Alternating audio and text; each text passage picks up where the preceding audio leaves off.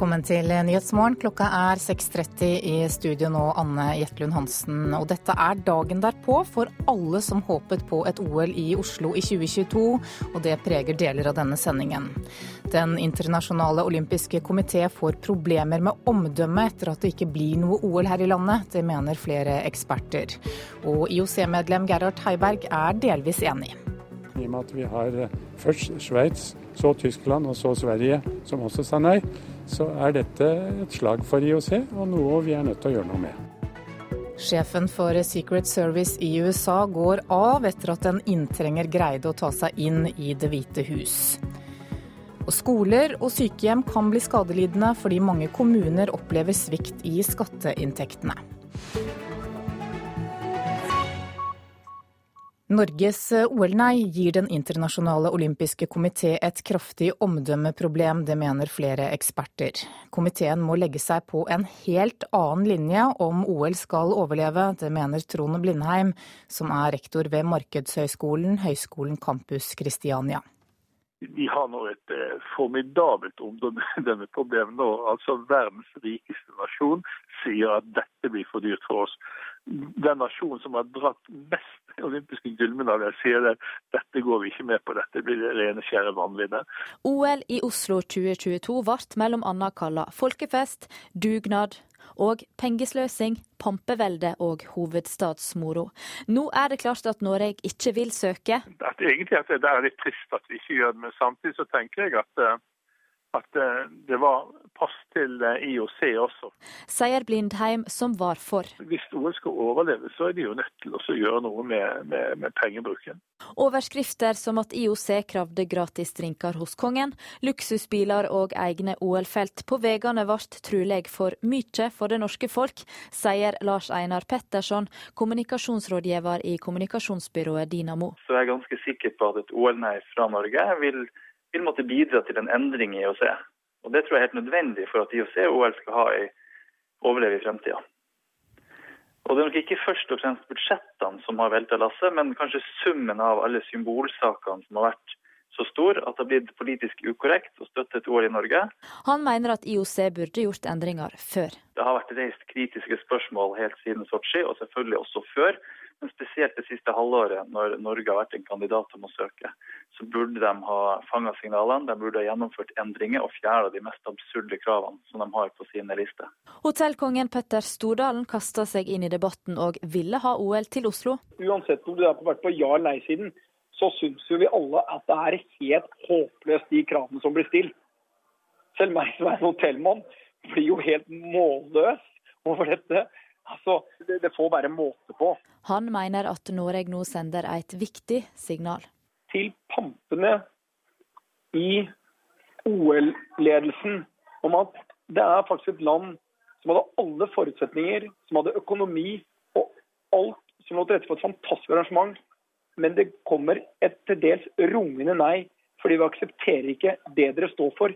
IOC-medlem Gerhard Heiberg ser at OL-nei fra Norge kan være ødeleggende for ryktet deres. I og med at vi har eh, først Sveits, så Tyskland og så Sverige som også sa nei, så er dette et slag for IOC og noe vi er nødt til å gjøre noe med. Hva syns du sjøl om, om, disse kravene som man har sett på avisforsidene nå, med f.eks. Eh, drinker hos eh, kongen på Slottet?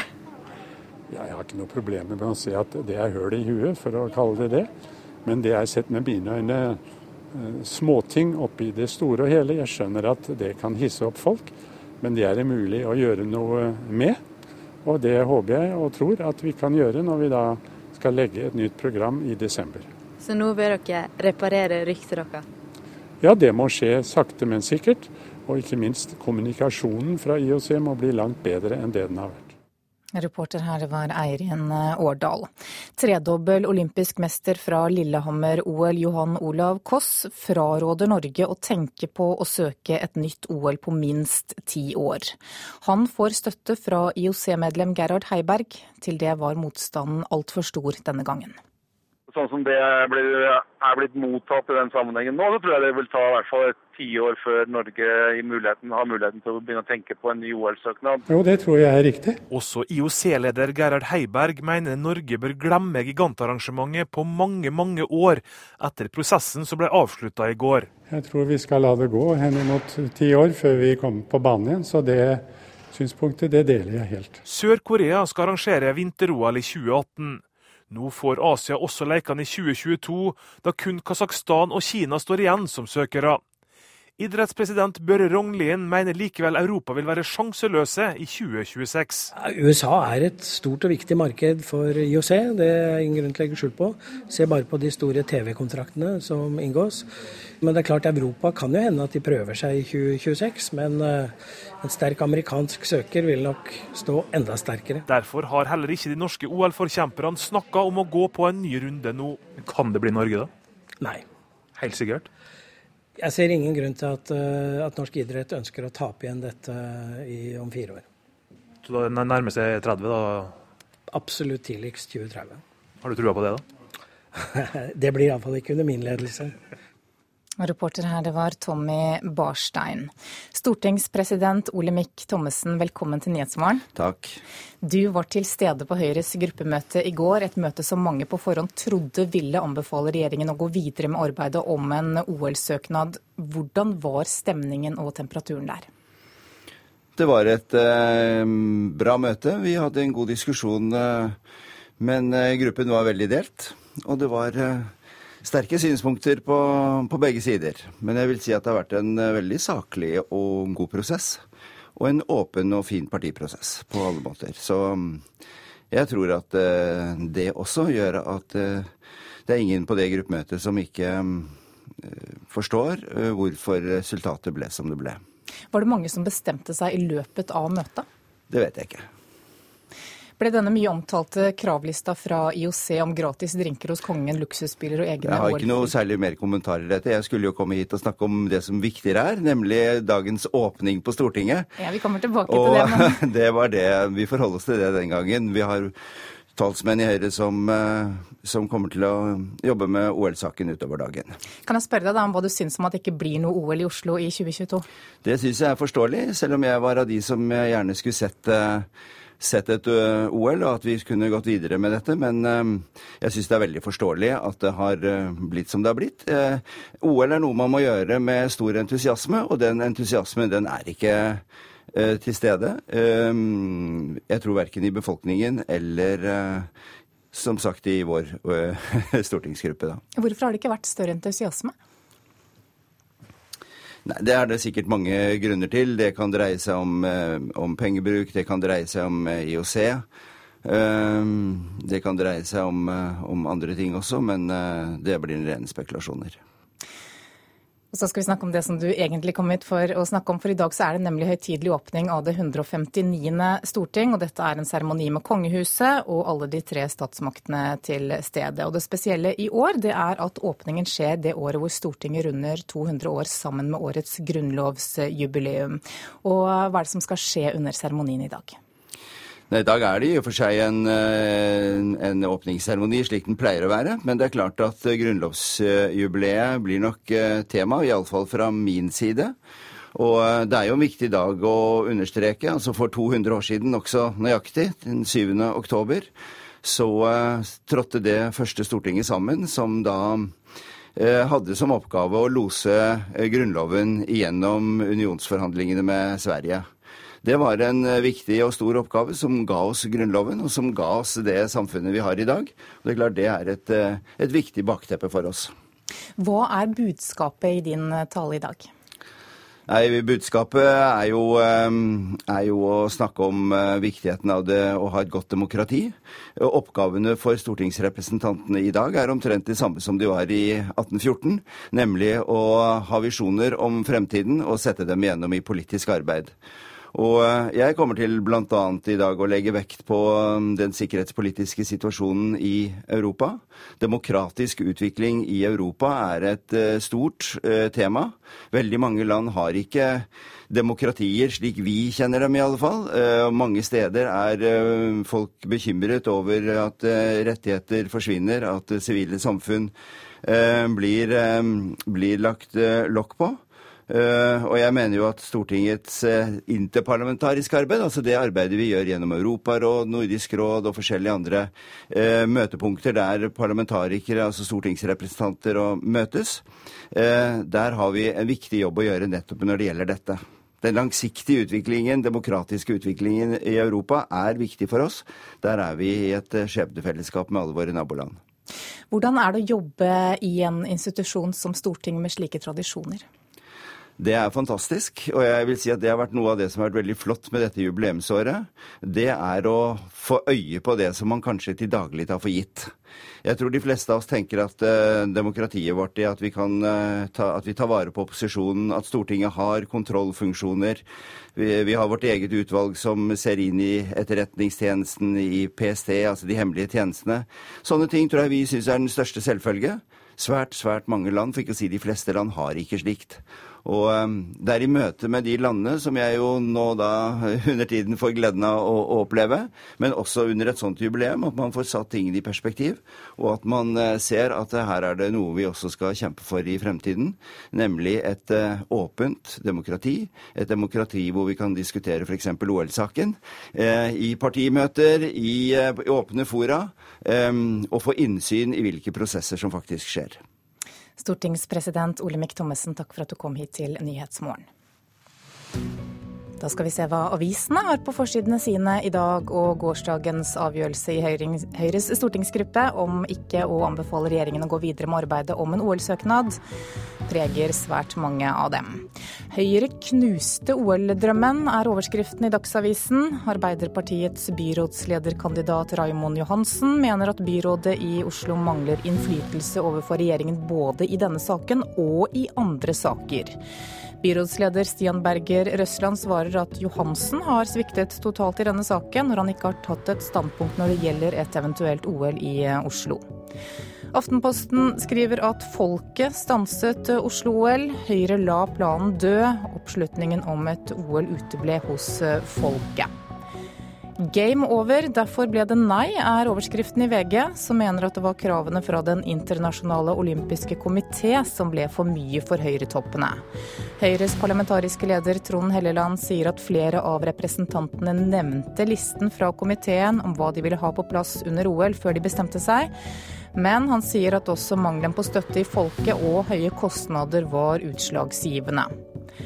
OL-dramaet fortsetter. IOC slakter Norge, skriver Dagbladet. Den internasjonale olympiske komité mener at et nei til Oslo-OL er en tapt mulighet for Norge, og at beslutningen er tatt på grunnlag av halvsannheter og feil. Vårt Land skriver at vi utfordres av en eldreboom blant innvandrere. De neste 20 årene vil tallet på innvandrere over 80 år firedobles. Det må eldreomsorgen forberede seg på. Sykehjem er tabu for mange. Omsorgen skal tradisjonelt skje i familien, sier Tayab Shodri, som jobber for å forbedre forholdet mellom eldre innvandrere og norsk eldreomsorg. Nasjonen skriver at importen av ost øker. Halvannet år etter at den omstridte tollen på ost ble innført, så har importen økt med 8% og Bondelaget mener at denne veksten er urovekkende. Dagens Næringsliv skriver at oljeservicegründer Ståle Kyllingstad tar et oppgjør med kulturen for helse, miljø og sikkerhet i oljebransjen, som han mener er overdrevet og dermed har en del av skylda for kostnadsøkningene. Du skal ha en sikker jobbanalyse på alt, snart må du ha en sikker jobbanalyse for å gå på dass, sier han ifølge avisa.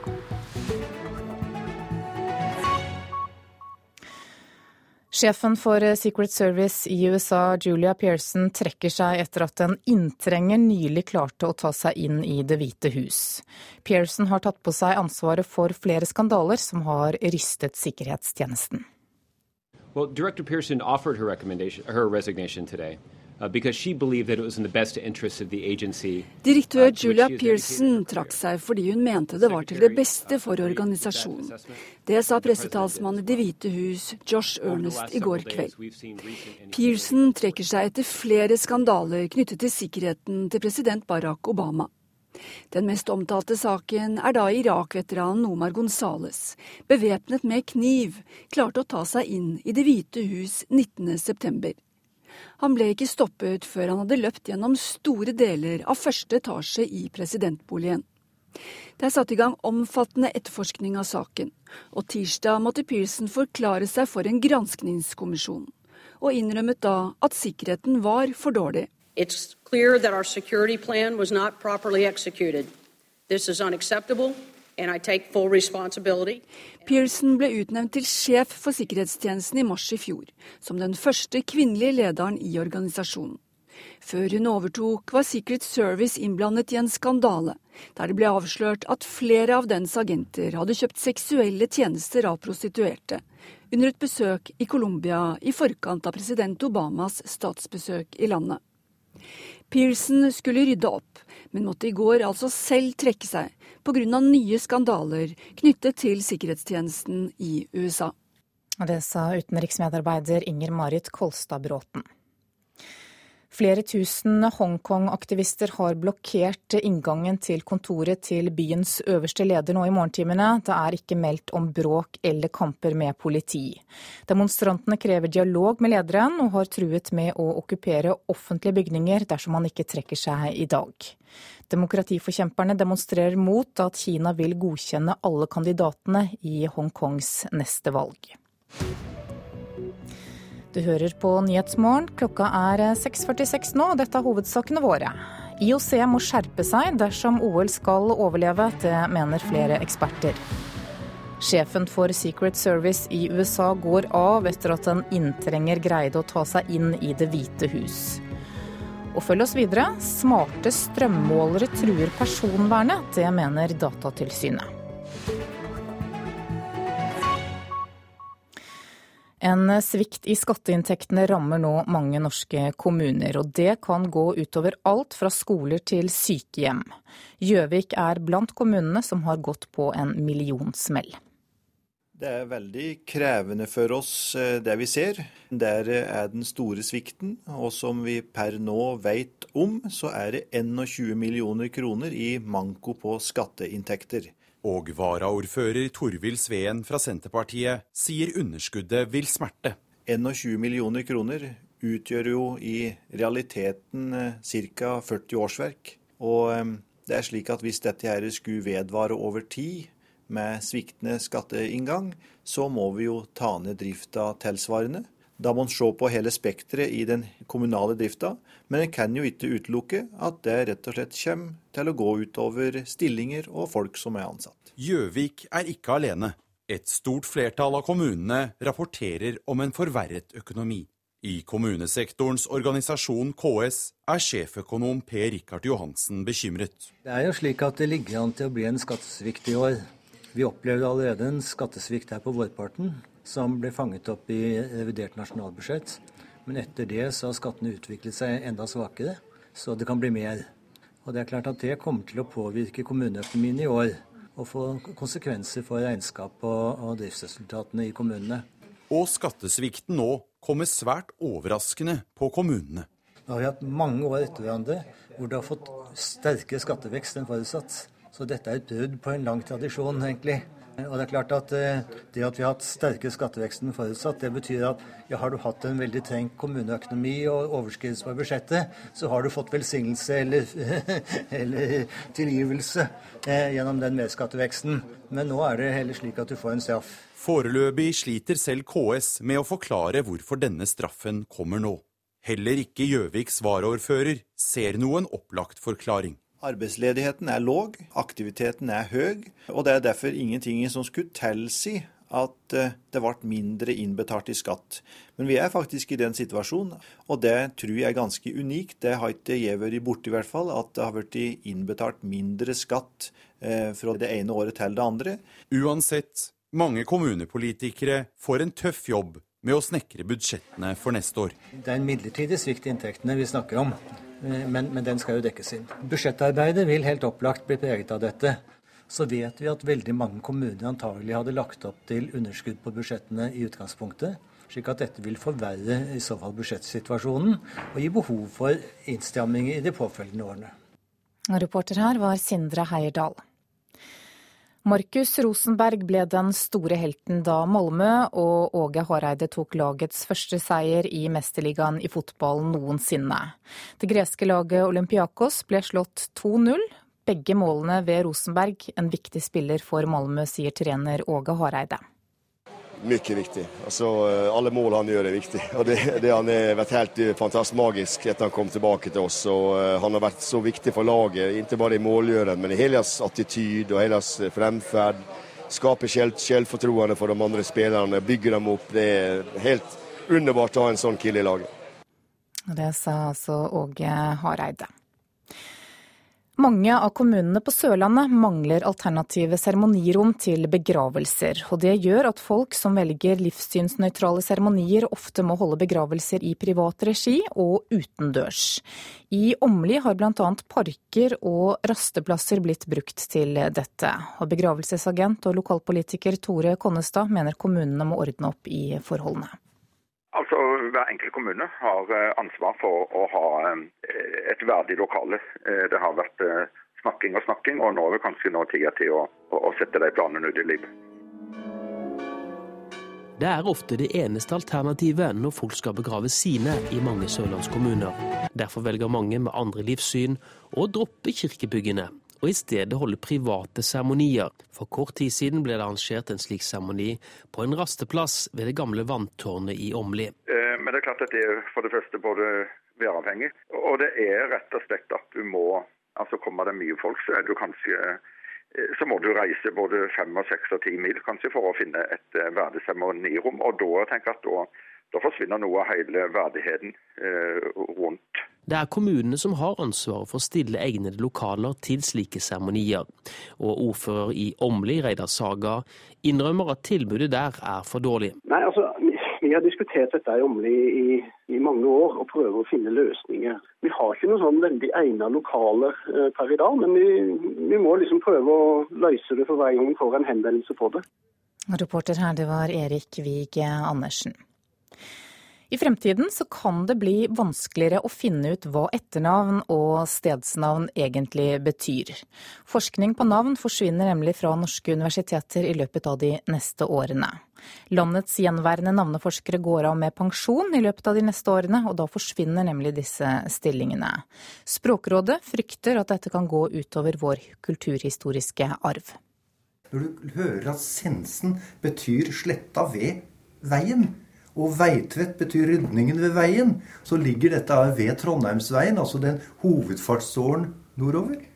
Det er kulturhistorie på sitt beste. Tom Schmidt er en av to gjenværende navneforskere ved universitetene i Norge, og den siste som forsker og underviser om stedsnavn. Schmidts stilling ved Universitetet i Oslo avvikles fra nyåret, og 67-åringen sier han vil pensjonere seg hvis han ikke får fortsette å forske på navn. Seksjonsleder for språkrådgivning Daniel Ims frykter at viktig historisk kunnskap forsvinner fra Norge hvis ingen forsker eller underviser om navn og stedsnavn. Det er kritisk for et uh, helt fagfelt.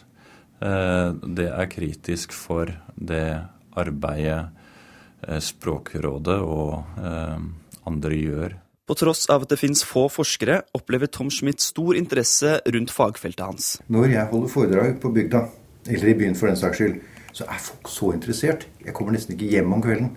Og på gata i Oslo var det flere som syntes navnegranskning både er interessant og viktig. Blant andre Olav Arne Lausund. Vet du betydningen av navnet ditt? Vet du hvor etternavnet ditt eh, kommer fra? Nei, det, det kommer fra, fra Sunnmøre. Og det betyr antagelig noe med et sted du kunne bade. Lauge et sund hvor det var velegnet til det, vil jeg tro. Og Madeleine Stevens tror at det i fremtiden kan bli vanskeligere å finne ut hvor navn kommer fra, hvis forskningen forsvinner. Da er det jo egentlig ganske trist, og forsvinner jo det. F.eks. hvis det kommer nye navn, så er det ingen som kommer til å vite hvor de kommer fra. Musikeren Hanne Krogh er en av mange i Norge som interesserer seg for slektsforskning. Krog har hatt nytte av navnegranskning da hun gravde i sin egen slektshistorie. For eksempel en gang så reiste jeg til Nord-Norge sammen med min mor og min tante for å finne ut alt om deres far, som var født i Steigen i Nordland. Og hadde jeg ikke kunnet gå via ulike navneformer og kunne tyde og tolke hva det egentlig var, så tror jeg ikke vi hadde hatt en sjanse. Nå frykter hun at det kan bli vanskeligere for folk å grave i slektshistorien sin som følge av mangelen på navneforskere. Nå sitter vi på en måte med hver vår laptop oppi et eller annet virtuelt univers og trenger på en måte å få en, et forankringspunkt. da. Og da tror jeg jo akkurat det med navneforskning og det å kunne lete seg bakover er viktigere enn noen gang. Og jeg, jeg tror jo absolutt at det må være viktig i forhold til å finne slekta si. Det sa Hanne Krogh til reporter Jarl Nymo. Norske symfoniorkestre spiller svært lite norsk musikk som er nyere enn 50 år. I høst skal symfoniorkestrene rette på inntrykket og gå sammen for å feire norsk musikk i anledning grunnlovsjubileet. I løpet av to måneder skal det spilles 30 verk av 19 norske komponister, gamle som nye. Da du gjør mot meg nå jeg lukter at jeg skal gå ifra deg. Her. Og dermed også gå ifra ungene mine og mamma, vennene mine. Komponist Nils Henrik Asheim syns det er stas at Stavanger symfoniorkester har valgt hans verk 'Grader av hvitt' fra 2007 som sitt bidrag til feiringen av norsk musikk denne høsten. Et monodrama om en kvinne som forlater sin mann i isødet på Grønland. Vet at jeg ble sint, at jeg slo etter han uten å treffe. Jeg tror at uh, det, å, det, å, komme til en konsert som på en måte er en forestilling, da, like mye som en konsert, det er bra for publikum. Kveldens konsert i Stavanger er den første i stafetten Ja, vi elsker, der åtte norske orkestre i løpet av to måneder skal spille 30 verk av 19 norske komponister. For det spilles for lite norsk musikk, og i særdeleshet lite ny norsk musikk, mener Asheim. Det virker som eh, programmeringen ofte er bundet av hva utenlandske solister og dirigenter har på repertoaret og ønsker å gjøre. Så det blir fort litt for mainstream. Det er akkurat som uh, Grieg lyser der uh, aleine som en ensom lyspære, og ellers er det mørkt. Og tallenes tale er klar. I 2013 spilte de sju orkestrene i oversikten til Norsk teater- og orkesterforening til sammen 1915 verk med kunstmusikk. Av disse var bare 175 samtidsmusikk fra de siste 50 år. Og av disse igjen var bare 74 norske. Det er en kjent sak at uh, dessverre er en utfordring å få publikum til å engasjere seg uh, til en del av samtidsmusikken. Sier direktør i Stavanger symfoniorkester, Trude Marit Risnes. Hun har publikum i tankene. Eh, jeg tror det må en, en, en slags i gåsøgne oversettelse til. Jeg tror må, vi må ta formidlingsaspektet på alvor, eh, sånn at eh, en aktualiserer det for flere grupper enn kanskje en del av samtidsmusikken og kunstmusikken evner å gjøre i dag. Den første ferien på fire år. Og reporter her, det var Anette Johansen Espeland skal vi se på et værvarsel som gjelder til midnatt. Fjellet i Sør-Norge kan vente seg nordvestlig frisk bris. I kveld sørlig opphold og til dels pent vær. Østlandet skiftende bris. Midt på dagen nordlig frisk bris i ytre Oslofjord. Opphold og til dels pent vær, og i Østfold mulighet for litt regn. Telemark skiftende bris, opphold og til dels pent vær. Agder nordvestlig bris, frisk bris på kysten. Fra i ettermiddag skiftende bris og pent vær.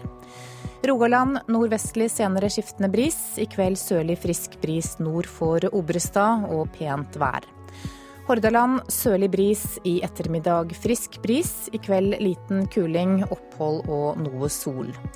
Sogn og Fjordane sørlig frisk bris, sørvestlig stiv kuling i nord. Enkelte regnbyger fra i ettermiddag opphold. Møre og Romsdal sørvestlig stiv kuling, fra i ettermiddag sørlig bris. Regnbyger nær kysten først på dagen, ellers eh, opphold. Trøndelag må belage seg på sørvestlig stiv kuling. I ettermiddag minkende langs kysten og i Namdalen regnbyger, ellers opphold. I kveld sørøstlig frisk bris og opphold. Nordland og Troms sørvestlig liten kuling utsatte steder. Kortvarig stiv kuling. Regnbyger utrygt for torden. Finnmark sørvestlig liten kuling utsatte steder. I formiddag kortvarig stiv kuling i øst. Forbigående regn i vest, senere også i øst. Og på Nordensjøland på Spitsbergen sørøstlig stiv kuling utsatte steder. Fra i ettermiddag sørvestlig bris. Regn fra i ettermiddag opphold. Så tar vi med noen temperaturer som ble målt klokka fem. Da hadde Trondheim åtte grader, Molde og Bergen sju, Stavanger åtte. Kristiansand og Gardermoen 10, og på Oslo-Blindern 12 grader.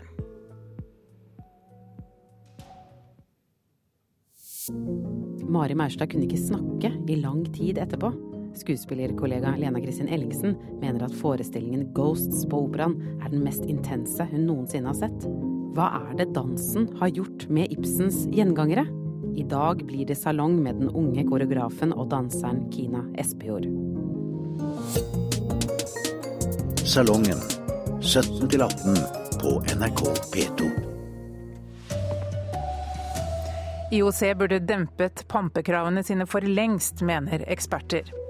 Og det var ingen varm tone da USAs president møtte Israels statsminister for første gang siden krigen i Gaza. Her er NRK Dagsnytt klokken sju. IOC burde endret listen sin med krav tidligere. Det sier Lars Einar Petterson i kommunikasjonsbyrået Dynamo. I går sa Høyre nei til OL i Oslo i 2022, og Oslo kommune trakk søknaden om statsgaranti. IOC-medlem Gerhard Heiberg sier at de vil se på endringer, men det burde de gjort før, mener Petterson.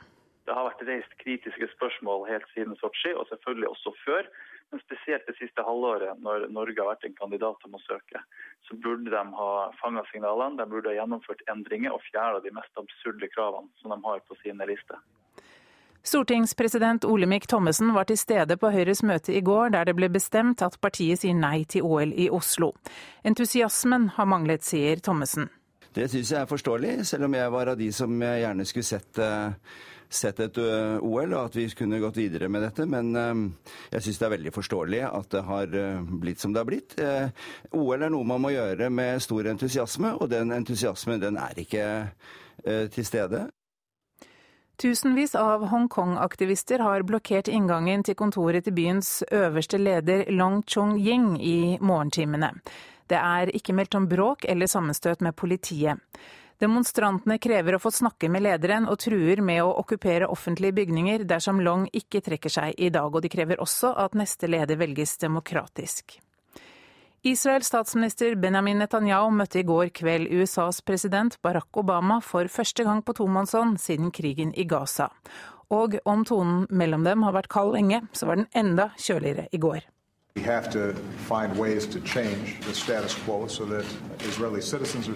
Vi må endre dagens situasjon slik at Israels borgere kan være trygge uten at palestinske barn blir drept på tragisk vis, sier president Obama. Det var ingen hjertelig tone på pressekonferansen i Det hvite hus i går kveld. Fredsprosessen som utenriksminister John Kerry har brukt mye tid på, er helt låst. Obama kritiserte i går Netanyahu, spesielt for å fortsette planleggingen av 2600 bosettinger i Øst-Jerusalem, selv i det klimaet som er nå. Sa USA-korrespondent Tove Bjørgaas. To personer er sendt til sykehus etter en brann i en leilighet i Stavanger sentrum. Den ene ble skadet etter å ha falt fra en stige, mens den andre ble hentet ut av leiligheten av brannmannskapene, skriver Stavanger Aftenblad. Og brannen ble meldt slukket for en halv time siden. NRK Dagsnytt, Marit Selmer Nedrelid. Klokka er 7.03 og Nyhetsmorgen fortsetter med disse sakene. Den internasjonale olympiske komité mener avgjørelsen om å droppe OL er tatt på feil grunnlag. I Nord-Norge så jubler OL-motstanderne over at det ikke blir vinter-OL i Oslo om åtte år. Og én mastergrad er ikke nok for alle. Nå tar flere studenter to mastergrader. IOC langer ut mot norske politikere etter OL-nei i en pressemelding. De mener at Høyres nei til OL ble tatt på et grunnlag bestående av halvsannheter og faktiske feil. Tidligere i år spurte søkerkomiteen i Oslo 2022 om et møte med IOC for å få en forklaring på alle aspekter ved IOCs krav, skriver organisasjonen i pressemeldingen. IOC sier at de arrangerte dette møtet for alle de tre søkerbyene for å sikre fair play mellom de tre kandidatene. Dessverre sendte Oslo verken en representant fra søkerkomiteen eller en representant fra myndighetene til dette møtet, og derfor er ikke politikerne i Norge orientert skikkelig om prosessen, og har tatt sin avgjørelse basert på halvsannheter og faktiske feil, fortsetter Den internasjonale olympiske komité. Pressemeldingen avsluttes med at IOC sier at de syns det er synd at et land med så mye midler går glipp av muligheten til å investere i framtida. Det sa reporter Henrik eh, Agledal. Byrådsleder i Oslo, Stian Berger eh, Røsland, velkommen. Takk skal du ha. Dere får altså kritikk her for at dere ikke sendte de riktige representantene til dette møtet med IOC. Hvorfor gjorde dere ikke det? Det Uttalelsene fra, fra IOC her, både formen det har og innholdet det har, er jo eh, noe som vel langt på vei kommenterer litt seg selv. Eh, og, og, litt av, eh, av kanskje det som er problemet i, i Lausanne. Um, og um, jeg tror det er vanskelig å argumentere for at uh, den debatten vi har hatt uh, gående i Norge gjennom mange, mange år, uh, skal være preget av, av halvsannheter og faktafeil. Det er klart at det har vært i den offentlige debatten eh, forhold som har vært debattert som ikke har vært helt presist. Altså både hva, hva, gjelder kostnader, hva gjelder eh, hva eh, statsgarantien skulle være. Eh, men, eh, men det er det er, det er, jo synd, men kanskje ikke så overraskende at IOCs reaksjon eh, tar en sånn form. Men det stemmer at dere ikke sendte verken et ledende medlem fra søkerkomiteen eller en embetsmann til dette møtet? Jeg registrerer at IOC er veldig opptatt av hvilket nivå folk er på når man, eh, man kommer til dem. Det har også vært min erfaring, eh, erfaring med dem, at det er, det er, veldig viktig. Eh, vi har vært opptatt av å, å sende personene som, i møte med IOC som er de som har behov for informasjon, de som har behov for å orientere seg om søker, søkerprosessen, og, og, derfor skaffe det best mulige faktagrunnlaget for, for både byråd, bystyre og, og senere kulturdepartement. Og det mm, mener jeg vi har klart på en, på en god måte, men jeg syns det er leit hvis, eh, hvis IOC ikke er fornøyd med, med, med tittelen på de som har vært til stede fra, fra vår side på, på alle møter. Hvorfor klarte du ikke å overbevise ditt eget parti om at vi trenger et eh, OL i Oslo i 2022? Jeg tror vel at eh, den ganske jeg tror vi må være så ærlige å si ganske brede motstanden vi har, har sett i, i, befolkningen, også avspeiler seg i et stort parti som, som Høyre. Det ville vært, vært, overraskende hvis Høyres stortingsgruppe på 48 medlemmer fra hele landet skulle hatt et helt avvikende syn eh, på, på, dette spørsmålet. Men hvorfor klarte dere ikke å få opp entusiasmen, da? Det har, vært, eh, det har, vært, en motbakke eh, mange, eller eh, langt på vei hele, hele, veien. Jeg tror det er en, i utgangspunktet en ganske stor skepsis til denne type arrangement i Norge. Det er en skepsis til kostnader til, til offentlige utgifter. Så tror jeg det også er en sak som vekker mange politiske dimensjoner. Sentrum, periferi, by, land, nord, sør, øst, vest. Og så har du selvfølgelig også en del av de forholdene som kommer fra, fra IOC og Lausanne, som ikke akkurat hjelper i en, i en norsk, eh, norsk kontekst. Det er brukt eh, snaut 200 millioner kroner på denne søknadsprosessen. Hvorfor kunne ikke denne saken vært avklart tidligere?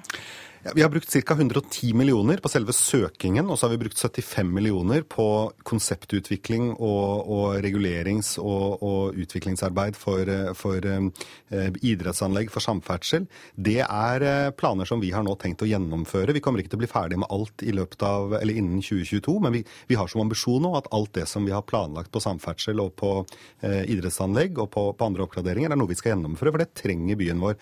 Sånn sett så kommer Oslo 2022-prosessen til å ha satt varige spor. Det er ikke noe tvil om at det å gå inn i en søkeprosess eh, har en kostnadsside, og det visste vi at det kom til å ha da vi, da vi startet eh, prosessen.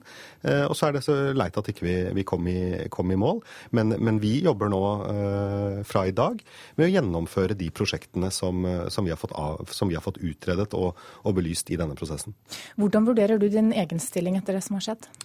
Jeg syns uh, dette har vært, uh, vært, en spennende prosess for byen. Jeg syns vi har, uh, har utrettet langt på vei det vi sa vi skulle gjøre. Vi har fått en, en søknad som de kvalitetssikrerne sa var meget god, robust, hadde ingen svakheter. Vi ble skåret som nummer én av IOC da de gjennomgikk det. Vi har hatt tre bystyrevedtak hvor det er 52 mot 7 stemmer som sier at vi skal gjøre dette, og vi har hatt en folkeavstemning. Så jeg mener at vi har oppfylt og gjort den jobben vi ble, ble satt til å gjøre. Det førte ikke frem denne gangen. Jeg skulle selvfølgelig ønske et annet resultat, men det, det nådde vi ikke i dag. Og det er stor lettelse blant OL-motstanderne i nord over at det ikke blir noe vinter-OL i Oslo om åtte år. Kent Gudmundsen fra Troms var en av dem som argumenterte for at partiet og regjeringen måtte si nei til en statsgaranti. Jeg kan jo si at jeg hadde innlegg der, selvsagt. Og jeg fremma synet eh, som jeg har tidligere annonsert, nemlig at jeg syns dette Eh, blir for dyrt. Vi får for lite igjen for, eh, for eh, de investeringene som et OL ville ha fordratt oss. Og når vi også i tillegg vet at opinionen er så tydelig lite entusiastisk rundt dette prosjektet, så, så ble det ekstra lett konklusjon å trekke. Også Tove Karoline Knutsen fra Arbeiderpartiet er fornøyd med at det ikke blir vinter-OL i Oslo i 2022. Jeg er jo veldig glad og letta for at dette har skjedd nå. Ja, og det betyr at uh, Høyres stortingsgruppe også har uh, løst et uh, delikat problem, dilemma for deres eget parti. For dere måtte jo på et tidspunkt tatt standpunkt hvis nå Høyre skulle gå inn for OL. Jeg tror vi hadde kommet til å tatt et veldig godt reflektert standpunkt om det hadde kommet til Stortinget. Men det er jo mange som har undra seg over at det kunne gå an å legge fram en sånn storsak med en splitta regjering. Altså en sak med så, store økonomiske konsekvenser som altså finansministeren ikke skulle stille seg bak. Men altså en gledens dag likevel over at man klarte å komme til fornuft og konkludere, men det var ikke en dag for tidlig. Reporter her var Øystein Antonsen. Politisk kommentator her i NRK, Magnus Takvam. Det var jo ventet at Høyres gruppemøte ville anbefale regjeringen å gå videre med denne OL-søknaden. Hva var det egentlig som skjedde? For det første så er det verdt å si at det var et overraskende vedtak på konklusjonen på Høyres gruppemøte i går alle medieoppslag osv. i sluttfasen gikk ut på at slik vant eh, OL-tilhengerne fram, og man brettet ut deres strategi osv. Men så skjedde altså det motsatte nå i sluttfasen i går kveld. Og jeg vil si at det, det var slik at nei-siden hadde alle kort på sin side. Både IOCs eh, krav, eh, rotet om kostnader, eh, disse, dette billig-OL, som likevel kanskje ikke kunne bli så billig, og skal vi si, engasjementet hos nei-siden ble oversatt til et voldsomt internt press i partiorganisasjonen i Høyre, som da til slutt ga seg det utslaget vi så i går. Hva betyr det for Oslo Høyre da, å ikke nå frem i eget parti? Nei, det er, jo, eh, det er jo en refleks av det Berger Røsland var inne på her, nemlig den store folkelige motstanden. Dette OL hadde ikke folkets støtte. Eh, og spørsmålet er om man skal vi si, burde innsett det tidligere eller, eller ikke. Hva betyr det for Arbeiderpartiet da at Høyre nå har lagt denne saken død? Nei, nå mister jo da Altså jeg tror teoretisk sett at uh, hadde Høyre med et klart flertall gått inn for dette, så, kunne, så, så, er det mye som taler for at det kunne blitt et flertall ved hjelp av Arbeiderpartiet til slutt. Det, det er jo bare teori, men jeg tror kanskje det. Så da, da på en måte får ikke Arbeiderpartiet den rollen som tungen på vektskålen. Jeg tror kanskje de likevel er glad for det i dag, gitt den folkelige motstanden vi, vi snakker om her. Og Arbeiderpartiet mener at prosessen har vært rotete. Jonas Gahr Støre kalte den i går for patetisk. Er det grunn til det? Det er klart at det er svært uvanlig at eh, en regjering er splittet på den måten i utgangspunktet i en slik eh, sak. Eh, men nå, eh, når saken ender slik, så, så, tror jeg det, den kritikken fra Arbeiderpartiet mot regjeringens håndtering kanskje ikke vil slå uh, så sterkt ut i fordel for Arbeiderpartiet, nettopp fordi Frp nå kan si at det var de som hadde rett og hadde folket på, på sin side, selv om prosessen kan framstå som rotete, hvis man tenker rent sånn formelt og, og hvordan en regjering bør jobbe. Så vi innom det her med Røsland, at det altså er brukt eh, nesten 200 millioner kroner på søknadsprosessen. Hadde det vært mulig å avklare saken eh, tidligere, etter ditt syn? Altså Når man først kom så eh, langt av gårde som man gjorde, så, så måtte man jo følge opp. Og i sum så, så, vil jeg si at reaksjonene på dette nei-et i går viser vel at det er mange parter som bør gå i seg selv. Kanskje særlig idrettsbevegelsen, både internasjonalt, IOCs ledelse og den norske idrettsbevegelsen, som jeg ikke oppfatter har hatt den ydmykheten som, som eh, skulle til for at dette kunne fått et annet utfall. Takk skal du ha, Magnus Toppan. Klokka nærmer seg 7.15. Du hører på Nyhetsmorgen, og dette er hovedsakene våre. Den internasjonale olympiske komité mener at avgjørelsen om å droppe et OL i Oslo er tatt på feil grunnlag. Men byrådslederen i Oslo sa her i Nyhetsmorgen for noen få minutter siden at det ikke stemmer. I Nord-Norge så jubler OL-motstanderne over at det ikke blir noe vinter-OL i Oslo om eh, åtte år. Og følg oss videre, så skal du få høre at smarte strømmålere truer personvernet. Det mener iallfall Datatilsynet. Men før det så skal vi høre at eh, flere studenter nøyer seg ikke lenger med bare én, men tar to mastergrader. Tall NRK har hentet inn fra de største universitetene viser at flere tar to mastergrader i dag enn for ti år siden. 25 år gamle Sara Blikner tar nå fag for å komme inn på master nummer to. Det er eh, boka jeg leser i nå. Um, Introduction to Atmospheric Chemistry.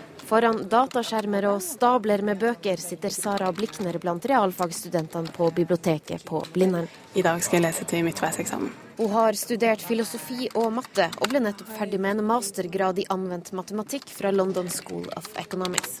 Likevel sier hun seg ikke ferdig med studiene. Nå tar jeg klimafag, da, så jeg skal kvalifisere meg til en mastergrad i eh, meteorologi og oseanografi. Jeg har lyst til å jobbe med klima, da. Og er ikke den eneste som tar en ekstra mastergrad. Mellom 2010 og 2013 tok drøye 200 studenter to mastergrader. Det viser tall fra Norsk samfunnsvitenskapelig datatjeneste, som ikke har tall på det her fra før 2010. En ting vi ser er at det, det kommer noen flere med doble mastergrader. Sier Gisle Helsten, leder på karrieresenteret ved Universitetet i Oslo. Arbeidsgivere i Norge er ikke alltid like flinke til å, å ansette de med eh, utdannelse fra utlandet. Det har vi undersøkelse på. Og da kan det være en sikkerhetsventil man tar med å, med å bygge på videre eh, med en mastergrad fra et norsk universitet eller høyskole. Helsten understreker at det fortsatt er et betydelig mindretall som tar to mastergrader. Og det finnes ikke oversikt over alle norske studenter som tar én mastergrad i utlandet og én her hjemme. Men blant de som tar to grader ved samme universitet, har antallet økt fra bare tre stykker for ti år siden til 39 i dag. Det viser tall fra Oslo, Trondheim og Tromsø. Ca. mellom 10 og 15% har en mastergrad fra før av.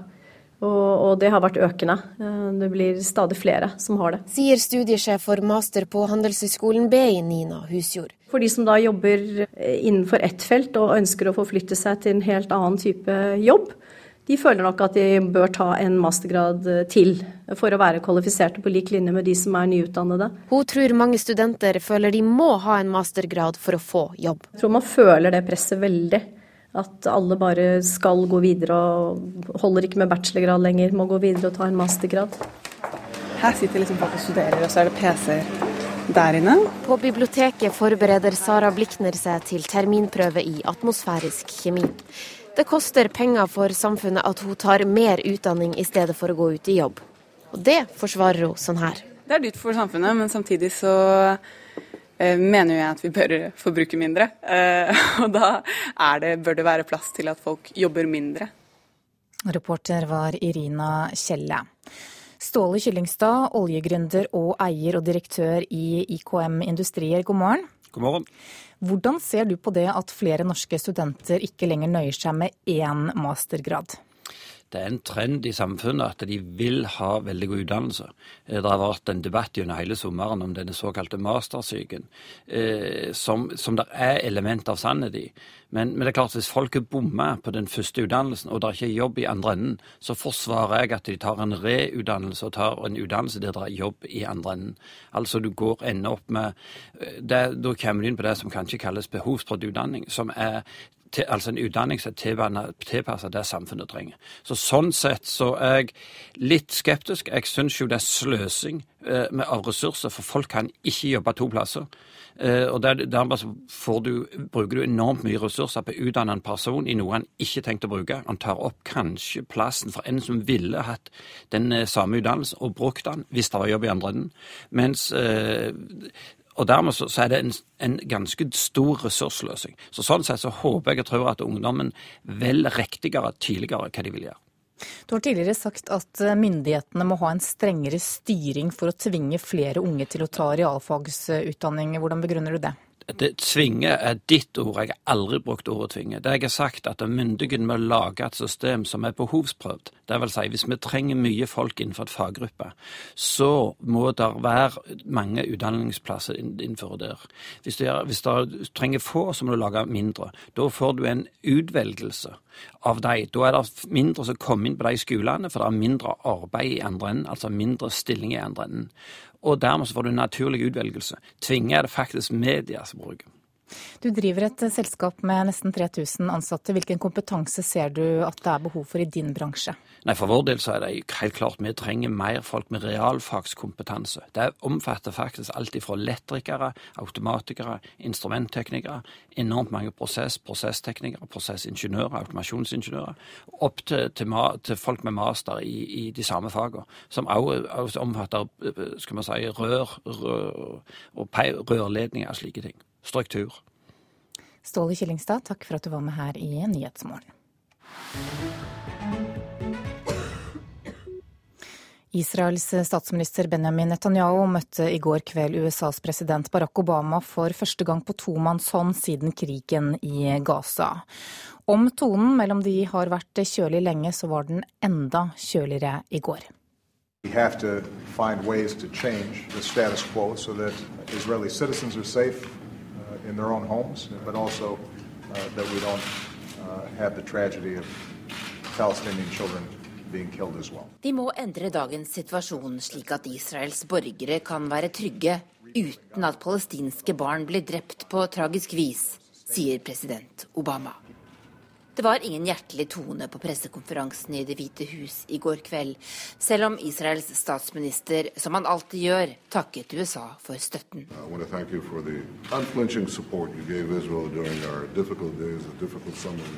Fredsprosessen som utenriksminister John Kerry har brukt mye tid på, er helt låst. Obama kritiserte i går Netanyahu, spesielt for å fortsette planleggingen av 2600 bosettinger i Øst-Jerusalem, selv i det klimaet som er nå. Israels statsminister på sin side mener krigene i Irak og Syria kan endre dynamikken i fredsprosessen. Det er fordi flere arabiske gulfstater nå står på samme side som Israel i kampen mot sunnimuslimske ekstremister i IS.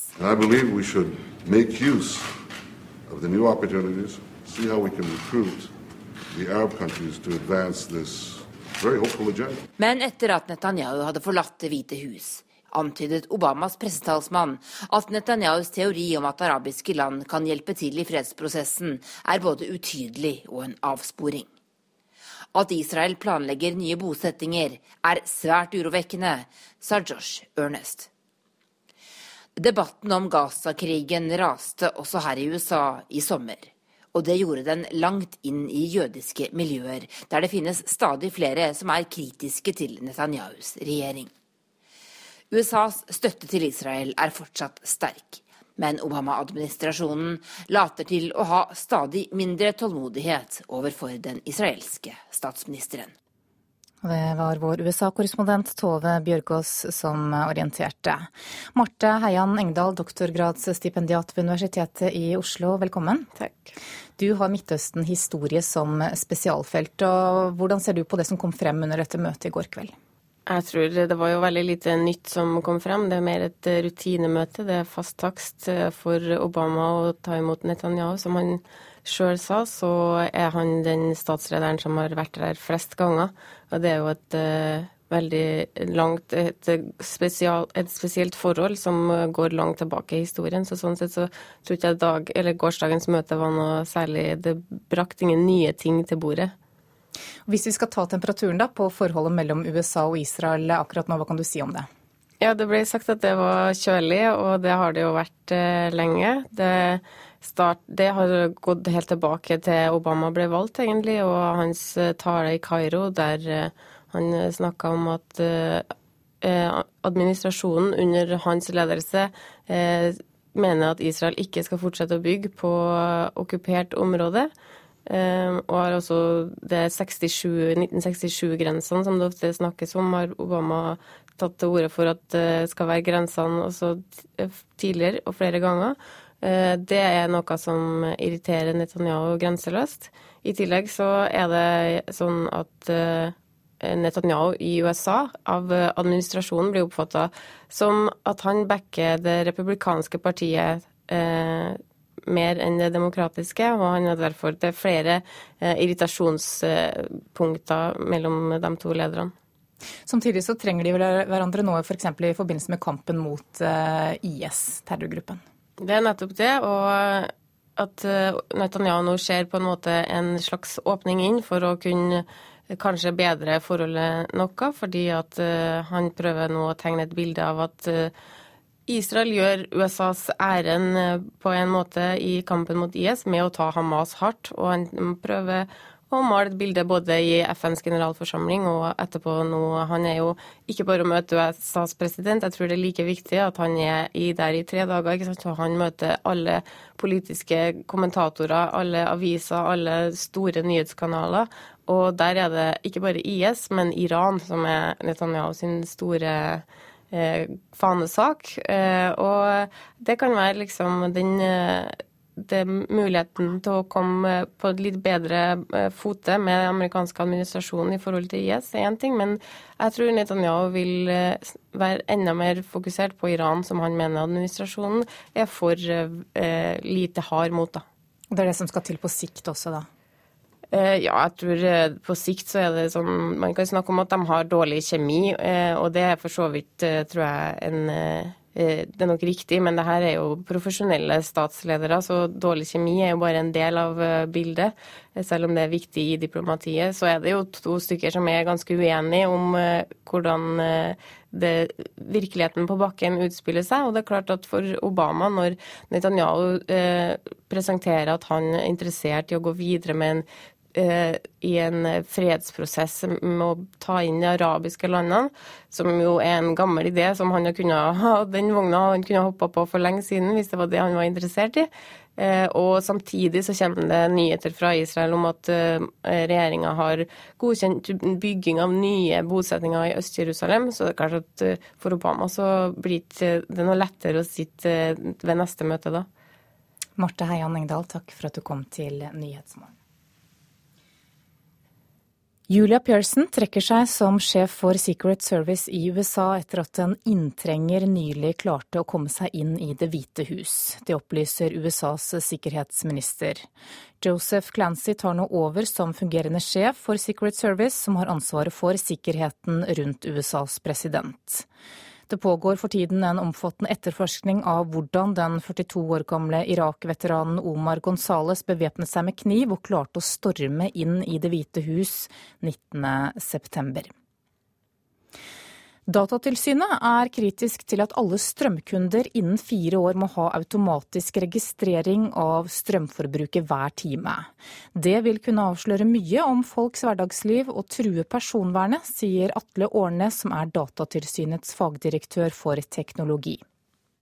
Det kan være et personvernproblem. Det blir et veldig trykk på personvernet at man leser av så ofte som hver time hvis jeg skal tenke på meg sjøl. Jeg syns det er verre hvis jeg blir telefonavlytta, eller at hva nettsider jeg leser blir sjekka, enn at folk vet hva jeg bruker av eh, elektrisk utstyr. Er jeg litt naiv da?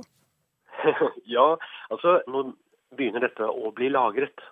noen virksomheter vil være interessert i de dataene. Hvis noen hacker seg inn på det her, så kan de jo vite om du er hjemme for å gjøre innbrudd i huset ditt. Sier samfunnsforsker og vitenskapsteoretiker Ingrid Foss Ballo. Hun har studert mål, muligheter og utfordringer i samband med at det skal installeres såkalte smarte strømmålere hos alle strømkunder i Norge innen 2019. Forsikringsselskap for eksempel, kan være interessert i den uh, informasjonen. Vite hvordan du bruker strøm i forhold til hva slags forsikring du skal få.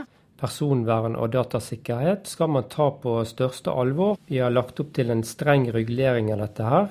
Det forsikrer Ove Flataker i NVE, Norges vassdrags- og energidirektorat. Om du f.eks. vil la andre selskap styre at elbilen din skal lades automatisk når strømmen eller nettleia er billig, er helt opp til deg, sier Flataker. Det er kunden sjøl, altså den enkelte strømforbruker, som skal eie sine egne måledata. Dvs. Si at han skal ha full tilgang og kunne styre hvem som skal ha tilgang til disse dataene. Men Årnes i Datatilsynet er skeptisk til at staten skal samle inn detaljerte data om strømbruken vår. I første omgang hver time, men med teknologi som kan registrere det hvert kvarter. Og kanskje på sikt hvert eneste sekund. Det er sånt som bekymrer oss veldig. Og det er ikke bare oss i Datatilsynet i Norge som er bekymret. Det er også på EU-nivå for høyt trykk på personvernet. Reporter her, det var Leif Rune Løland. Klokka nærmer seg 7.30 og Dagsnytt. Produsent for Nyhetsmorgen i dag er Ulf Tannes Fjell, og her i studio Anne Jetlund Hansen.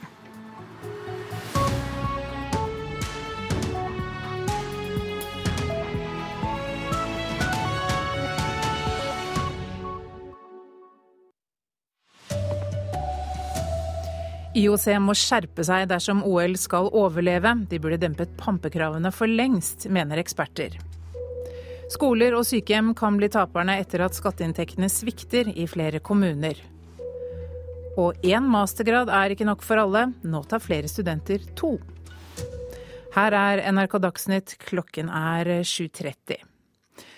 Norges OL-nei gir IOC et kraftig omdømmeproblem, mener flere eksperter. Komiteen må legge seg på en helt annen linje dersom OL skal overleve. Det mener rektor ved Markedshøgskolen, Trond Blindheim. Vi har nå et eh, formidabelt omdømmeproblem nå. Altså verdens rikeste nasjon sier at dette blir for dyrt for oss. OL i Oslo 2022 ble mellom kalt folkefest, dugnad og pengesløsing og pampevelde. Nå er det klart at Norge ikke vil søke. Kravene fra IOC tok litt av, sier Blindheim, som var for Oslo-OL i 2022. Hvis OL skal overleve, så er de jo nødt til å gjøre noe med, med, med pengebruken. Overskrifter som at IOC kravde gratis drinker hos kongen, luksusbiler og egne OL-felt på veiene ble trolig for mye for det norske folk, sier Lars Einar Petterson, kommunikasjonsrådgiver i kommunikasjonsbyrået Dinamo. Han mener at komiteen burde endre på kravene tidligere. Og Det er nok ikke først og fremst budsjettene som har velta lasset, men kanskje summen av alle symbolsakene som har vært så stor at det har blitt politisk ukorrekt å støtte et OL i Norge. Hotellkonge Petter Stordalen ville ha OL til Oslo, men han mener at Norge sender et viktig signal. Om du har vært på ja- eller nei-siden, så syns jo vi alle at det er helt håpløst de kravene som blir stilt. Selv meg som er en hotellmann blir jo helt målløs. IOC-medlem Gerhard Heiberg ser at OL-nei fra Norge kan være ødeleggende for ryktet deres. I og med at vi har eh, først Sveits, så Tyskland og så Sverige som også sa nei, så er dette et slag for IOC og noe vi er nødt til å gjøre noe med. Hva syns du sjøl om, om, disse kravene som man har sett på avisforsidene nå, med f.eks. Eh, drinker hos eh, kongen på Slottet? Ja, jeg har ikke noe problem med å si at det er høl i huet, for å kalle det det. Reporter her Eirin Årdal. Samtidig langer IOC ut mot norske politikere etter at de skrotet eh, Oslo-OL. De mener at Høyres OL-nei ble tatt på et grunnlag bestående av halvsannheter og faktiske feil. Tidligere i år spurte søkerkomiteen i Oslo 2022 om et møte med IOC for å få en forklaring på alle aspekter ved IOCs krav, skriver organisasjonen i pressemeldingen. IOC sier at de arrangerte dette møtet for alle de tre søkerbyene for å sikre fair play mellom de tre kandidatene. Dessverre sendte Oslo verken en representant fra søkerkomiteen eller en representant fra myndighetene til dette møtet, og derfor er ikke politikerne i Norge orientert skikkelig om prosessen, og har tatt sin avgjørelse basert på halvsannheter og faktiske feil, fortsetter Den internasjonale olympiske komité.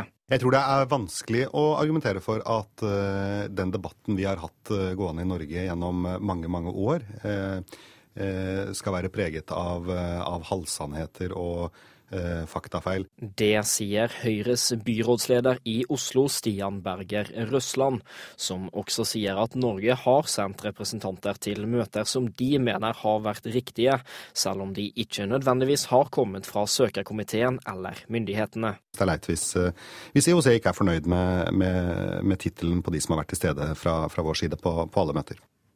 Reporter her var Henrik Agledal. Politisk kommentator her i NRK, Magnus Takvam. For eh, bare et døgn siden så trodde alle at Høyre kom til å si ja. Hva var det som skjedde i går?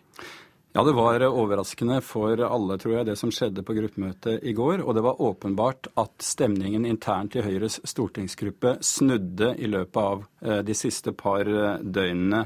Årsaken er sammensatt, men det er opplagt at nei-siden eh, hadde de fleste gode kortene på sin side. De hadde engasjementet på sin side, og det merket selvfølgelig Høyres representanter gjennom et enormt press innad i partiet mot hver enkelt. Og dessuten var det eventuelle jaet fra stortingsgruppen som det kunne endt med, så betinget av visse forutsetninger om IOC, skatt osv. at det kanskje i praksis ville framstått som et nei. Så i sum gjorde dette at resultatet ble som det ble. Kommer Høyre til å tape eller vinne stemme på at de skrotet eh, OL-planene? Det er uh, umulig å si. Jeg tror kanskje tapspotensialet hadde vært større i enkelte deler av landet ved uh, å presse gjennom et ja til statsgaranti på et veldig tynt, med et tynt flertall i Stortinget. Takk skal du ha, kommentator her i NRK, Magnus Takvam. En svikt i skatteinntektene rammer mange norske kommuner. Det kan gå ut eh, over alt fra skoler til sykehjem, og Gjøvik er blant kommunene som har gått på en millionsmell. Det er veldig krevende for oss eh, det vi ser. Der er den store svikten, og som vi per nå vet om, så er det 21 millioner kroner i manko på skatteinntekter. Og varaordfører Torvild Sveen fra Senterpartiet sier underskuddet vil smerte. 21 millioner kroner utgjør jo i realiteten eh, ca. 40 årsverk. Men kan jo ikke utelukke at det rett og slett kommer til å gå utover stillinger og folk som er ansatt. Gjøvik er ikke alene. I kommunesektorens organisasjon KS er sjeføkonom Per Rikard Johansen bekymret. Det er jo slik at det ligger an til å bli en skattesvikt i år, og det kan bli mer. Og det er klart at det kommer til å påvirke kommuneøkonomien i år. Og skattesvikten nå kommer svært overraskende på kommunene. Nå har vi hatt mange år etter hverandre hvor det har fått sterkere skattevekst enn forutsatt. Så dette er et død på en lang tradisjon, egentlig. Og Hvorfor har vi denne midlertidige svikten? Nei, altså Det er litt usikkerhet om det.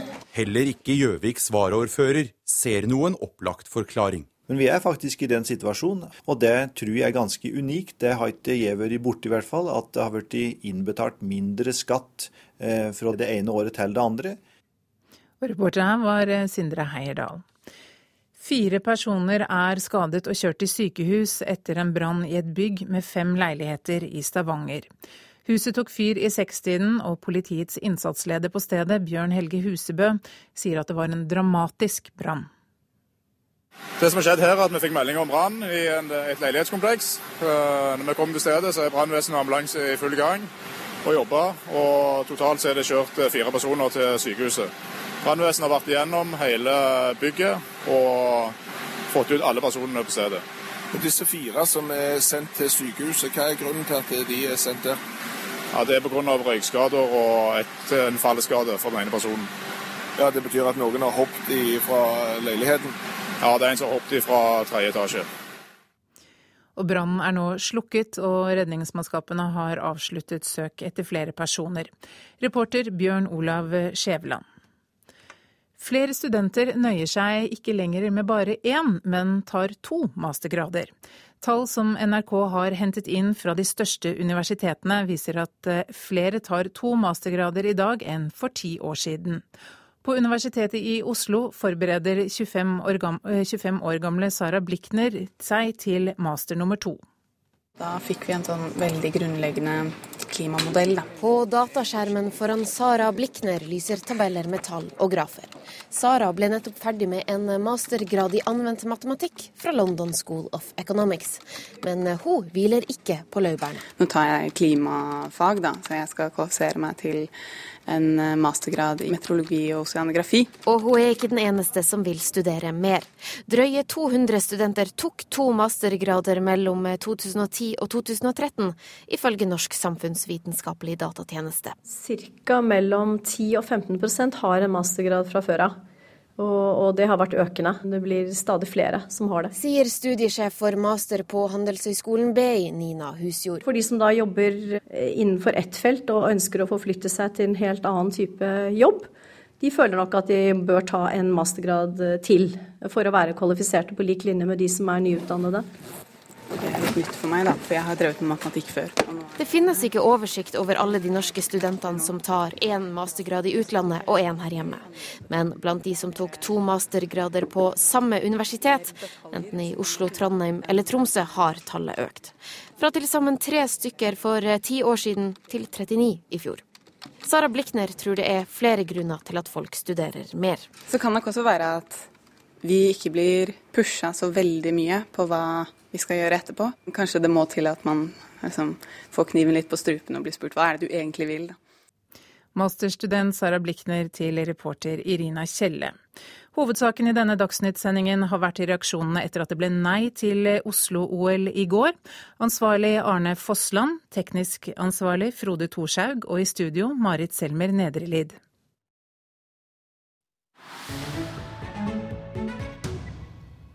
Klokka er 7.40 eh, og Nyhetsmorgen fortsetter. Belgia er det vestlige landet som har flest jihadister i Syria og Irak i forhold til folketallet. Landet har strammet inn på lovgivningen, og hvis de mislykkes i å hindre noen i å reise, så mister personen rettigheter som fullt statsborgerskap, selv om de er tredje eller fjerde generasjons innvandrer.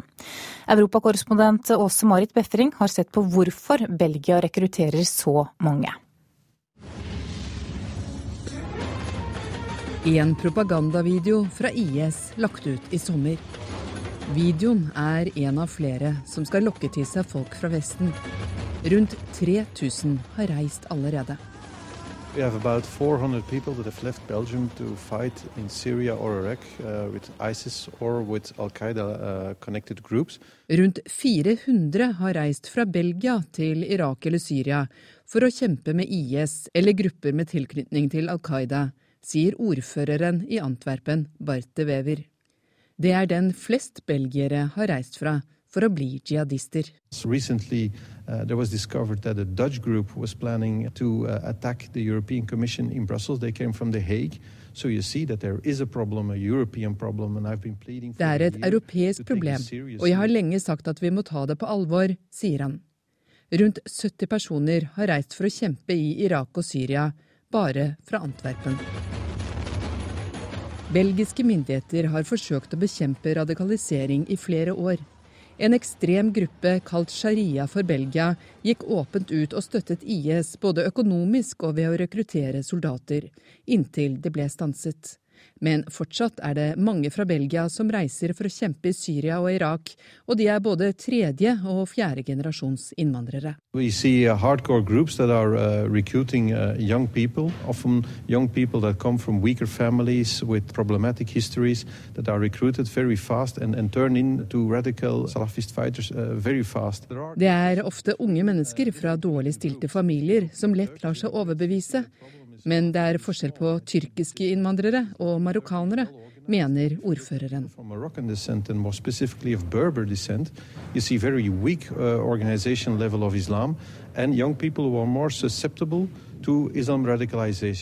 Belgia har strammet inn på lovgivningen i et forsøk på å stoppe dem.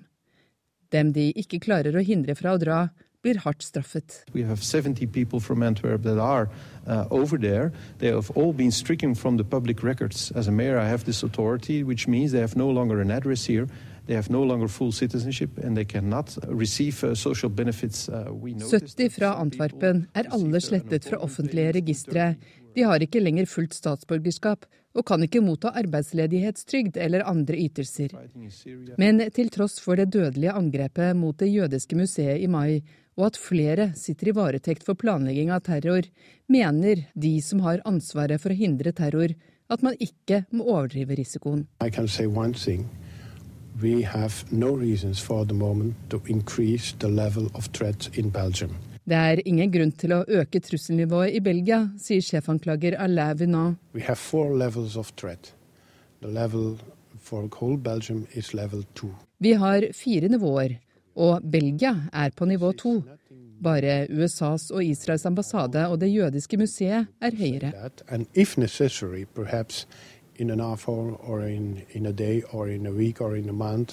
Vi ville ha økt nivået umiddelbart hvis vi opplevde trusselen mot Belgia som økende, sier han.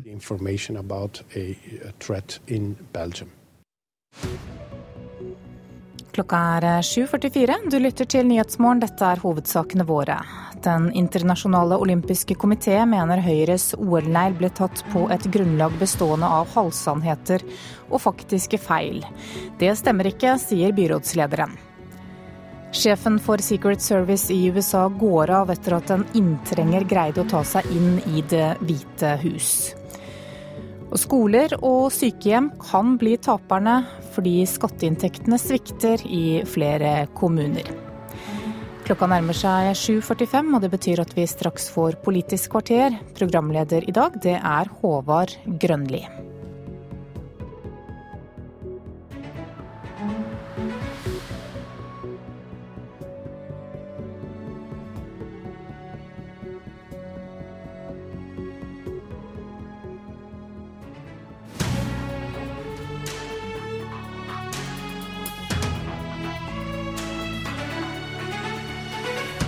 Så kan ikke Høyres stortingsgruppe gi noe råd til regjeringen om å gå videre med OL-søknaden. Vi ber derfor om at eh, vi da stopper den prosessen, og at regjeringen tar det til følge. OL-drømmen stoppa der, på Høyres grupperom i Stortinget. Hvordan i all verden kunne det skje? Velkommen til olympisk nachspiel. Gjester i studio er Siv Jensen, Høyres Svein Harberg og generalsekretæren i Idrettsforbundet. Den eh, olympiske mediesjangeren krever jo at vi starter med et seiersintervju. Og etter at Høyres stortingsgruppe ba regjeringa legge bort OL-søknaden i går, så er vel du det nærmeste vi kommer en vinner, eh, finansminister og Frp-leder Siv Jensen. Kan du gi en analyse av dette politiske løpet? Hva gjorde at Frp sitt syn vant fram? Nei, nå er det sånn at Fremskrittspartiets landsmøte tok sin beslutning i mai. Eh, men jeg har sagt hele tiden siden da at det er riktig og naturlig at alle partiene har gode prosesser for å komme frem til hvilket standpunkt de måtte ha i forhold til dette. Og så har det jo vært eh, mange problemstillinger fremme i det offentlige rom eh, i, denne perioden. Og jeg tror nok at det som har vært mest medvirkende til en sånn negativ holdning, ikke minst i det norske folk, har IOC stått for selv.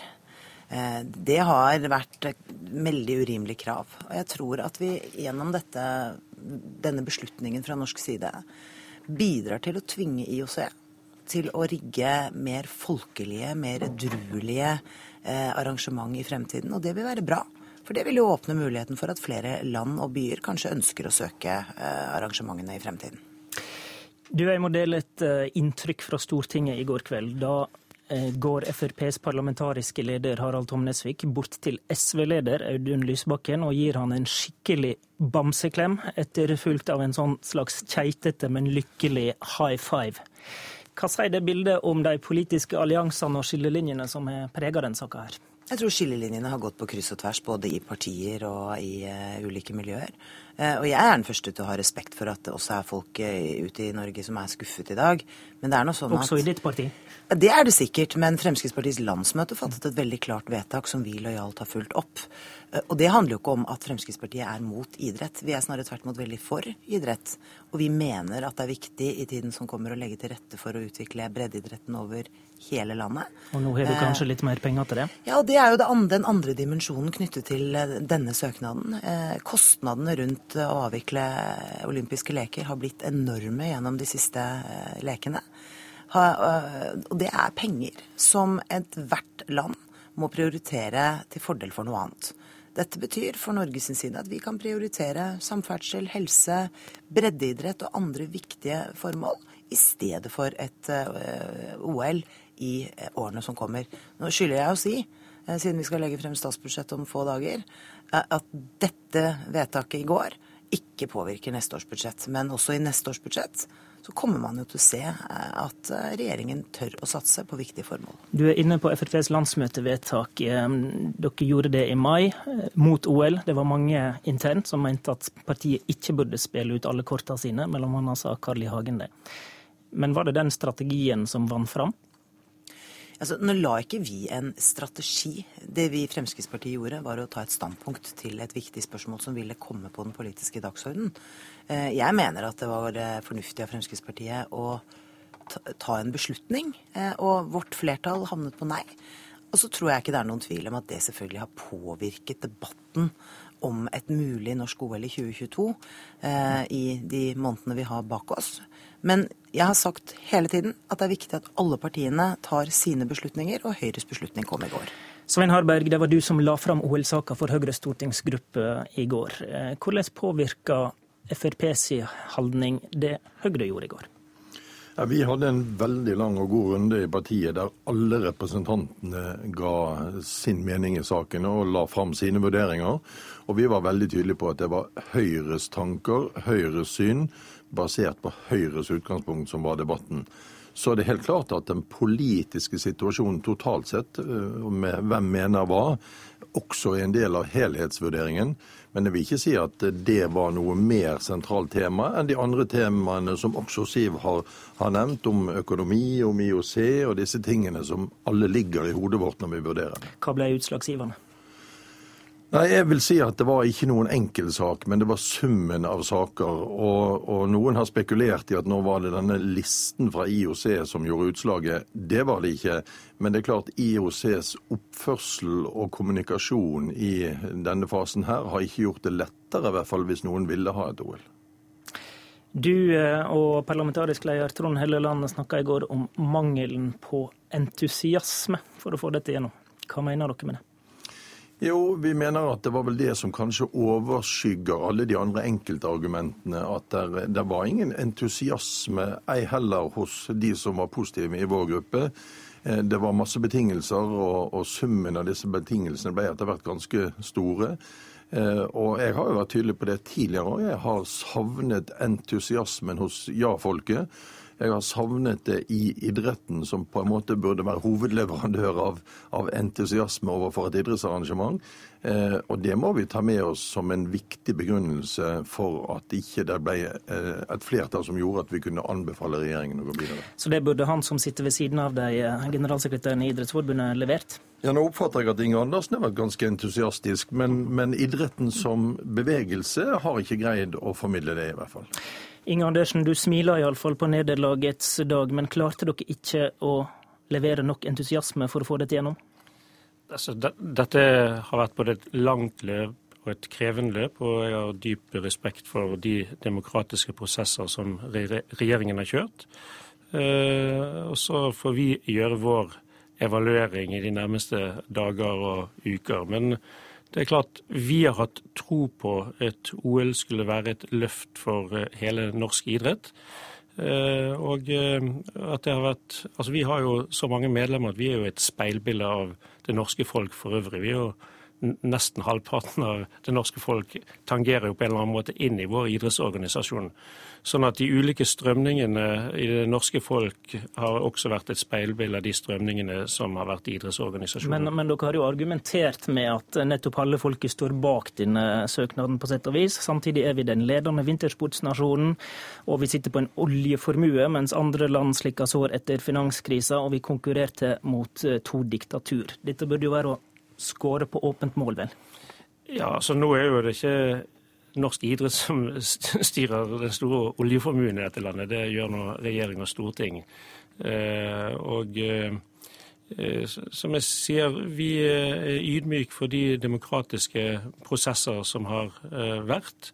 Nå går vi videre. Det som er viktig for oss, er jo nå å løse alle de oppgavene som står foran oss. Og så er jo det stor sannsynlig at i hvert fall den oppvoksende unge generasjonen som var på en måte det som var vårt utgangspunkt for å skape ny bærekraft til både eh, idrettsledelse, frivillighet, utvikling av nye utøvere.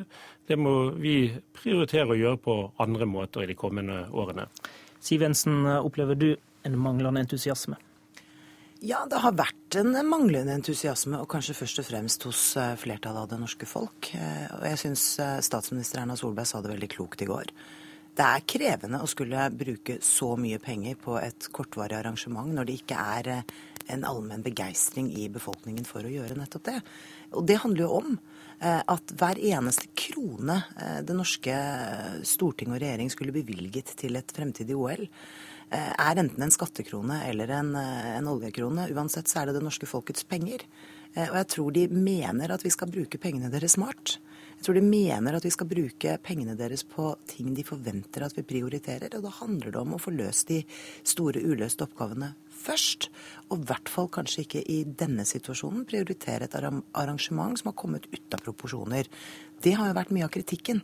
ikke sant? Vi har, og jeg syns idrettsbevegelsen har vært ganske flink til å snakke om uh, en folkefest, brakt minnene tilbake til Lillehammer-OL osv., som var et veldig fantastisk arrangement. Men i å se utviklingen gjennom flere arrangementer, eh, har jo vist at, at det har tatt helt feil av. Eh, disse pampene i IOC sitter og har krav som folk oppfatter som høyst idiotiske. Eh, og sånn kan det altså ikke fortsette. Mm. Nå må vi få trukket dette ned på et edruelig nivå. og hatt folkelighet i arrangementet. Men samtidig Harberg, så sier IOC nå eh, at de mener vi har tatt denne avgjørelsen basert på halvsanninger og faktiske feil.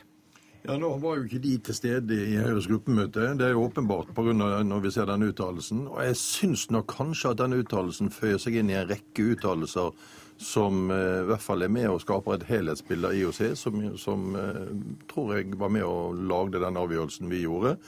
Det var ikke flertall nok, det var ikke entusiasme nok. Da måtte rådet være å ikke gå videre. Så håper jeg at det blir sånn som, som Siv sier her, at dette er et signal som de tar inn over seg når de får tenkt seg om. Eh, noen mente at vi kunne arrangere det med Lillehammer-bilder igjen, og på den måten eh, rette inn IOC på en bedre linje, men, eh, men, nå får vi håpe at dette virker. Hva tror du om det, Inge Andersen? Kan Norge på noen måte med dette utfallet påvirke IOC? Vi har hele tiden hatt tro på at det å påvirke IOC gjennom et arrangement og sette en ny og annen referanselinje og referansepunkt enn det som er satt i Sotsji, ville være det beste. Å invitere idrettsverden til et fantastisk land, et fantastisk demokrati og en enestående idrettsbevegelse. Vi vil jo selvfølgelig jobbe internasjonalt i de kanalene vi nå har. Uh, og det, Vi har spilt inn uh, veldig mange punkter, og registrerer jo at vi har fått inn eh, allerede det som går på menneskerettigheter. Vi har fått inn det som går på likeverd og likestilling relatert til homolovgivning. Men var det vi, vanskelig alliert å ha dette? IOC? Som jeg sier, det er 204 nasjonale olympiske komiteer. Det er 11 mer enn det i FN. som Er, sånn at det er klart at man flytter ikke en sånn verdensomspennende organisasjon i løpet av noen måneder. Men jeg tror at IOC er i bevegelse under den nye ledelsen med Thomas Barr. Og Vi skal jo ha et ungdoms-OL på Lillehammer i 2016, og jeg håper at både regjering og storting som har gitt et samlet statsgaranti til det, at vi nå virkelig står sammen og så lager et fantastisk ungdoms-OL sammen med IOC. Så kan vi sette en standard for det. Politisk kommentator Magnus Takvam, det er to og et halvt år siden idretten og Oslo gikk inn for en OL-søknad. I går stranda det. Hvorfor gikk det som det gikk? Det var nok en refleks av mye av det dere har snakket om, nemlig det manglende folkelige engasjementet for eh, et OL, og at engasjementet lå på nei-siden. Og det blir sagt at Høyres stortingsrepresentanter opplevde eh, ikke bare et politisk press internt for å lande der de gjorde, men også et personlig press mot hver enkelt representant. Og det er klart at nei eller eh, søkersiden kom stadig på defensiven i sluttfasen. Eh, bare dette eksempelet med kostnadsbiten, der man kastet inn dette med et såkalt billig-OL for å tilfredsstille de som mente det var for dyrt. Så viste det seg rett før gruppemøtet at det var kanskje ikke et regnestykke som gikk helt igjennom. IOC-pampenes eh, krav i VG-oppslaget timet inn osv. I sum så, så, ble dette for vanskelig å bære for Høyre. Og de hadde også de som var på ja-siden da i Høyre, hadde et, sto for et betinget ja. Og det var ikke et ubetinget ja til en statsgaranti slik søknaden lå. Og da ville man kanskje ende opp med et ja som i praksis ville vært et nei. Så noe av forklaringen ligger der. Mens Frp satser alt på nei-kortet allerede i mai. Eh, vant den strategien fram for Frp? Det kan man kanskje si. Det var jo et ganske knapt flertall, 115-99 eh, eller noe sånt, som i utgangspunktet på landsmøtet eh, mente man skulle ta standpunkt der og da, og så ble, ble det da et relativt klart to tredjedels flertall for et nei på landsmøtet. Så det var en debatt om strategien også i Frp, og det har vært uenighet. Bl.a. Oslo Frp-representanter, et par statsråder osv. har markert eh, andre synspunkter. Men det som, det som, blir angrepspunktet fra de rød-grønne mot denne strategien, er jo en splittet regjering. Og jeg tror det var viktig for Høyre her å ikke skal vi si, la seg presse av Frp til ikke selv å gå inn i, i en søkeprosess, for det kunne fått en kostnad på lengre sikt hvis man skulle gjentatt det i andre saker. Takk til deg, Magnus Takvam. Minner om at i dag er det den høytidelige åpninga av det 159. storting. Du kan følge åpninga på NRK1 fra klokka 13.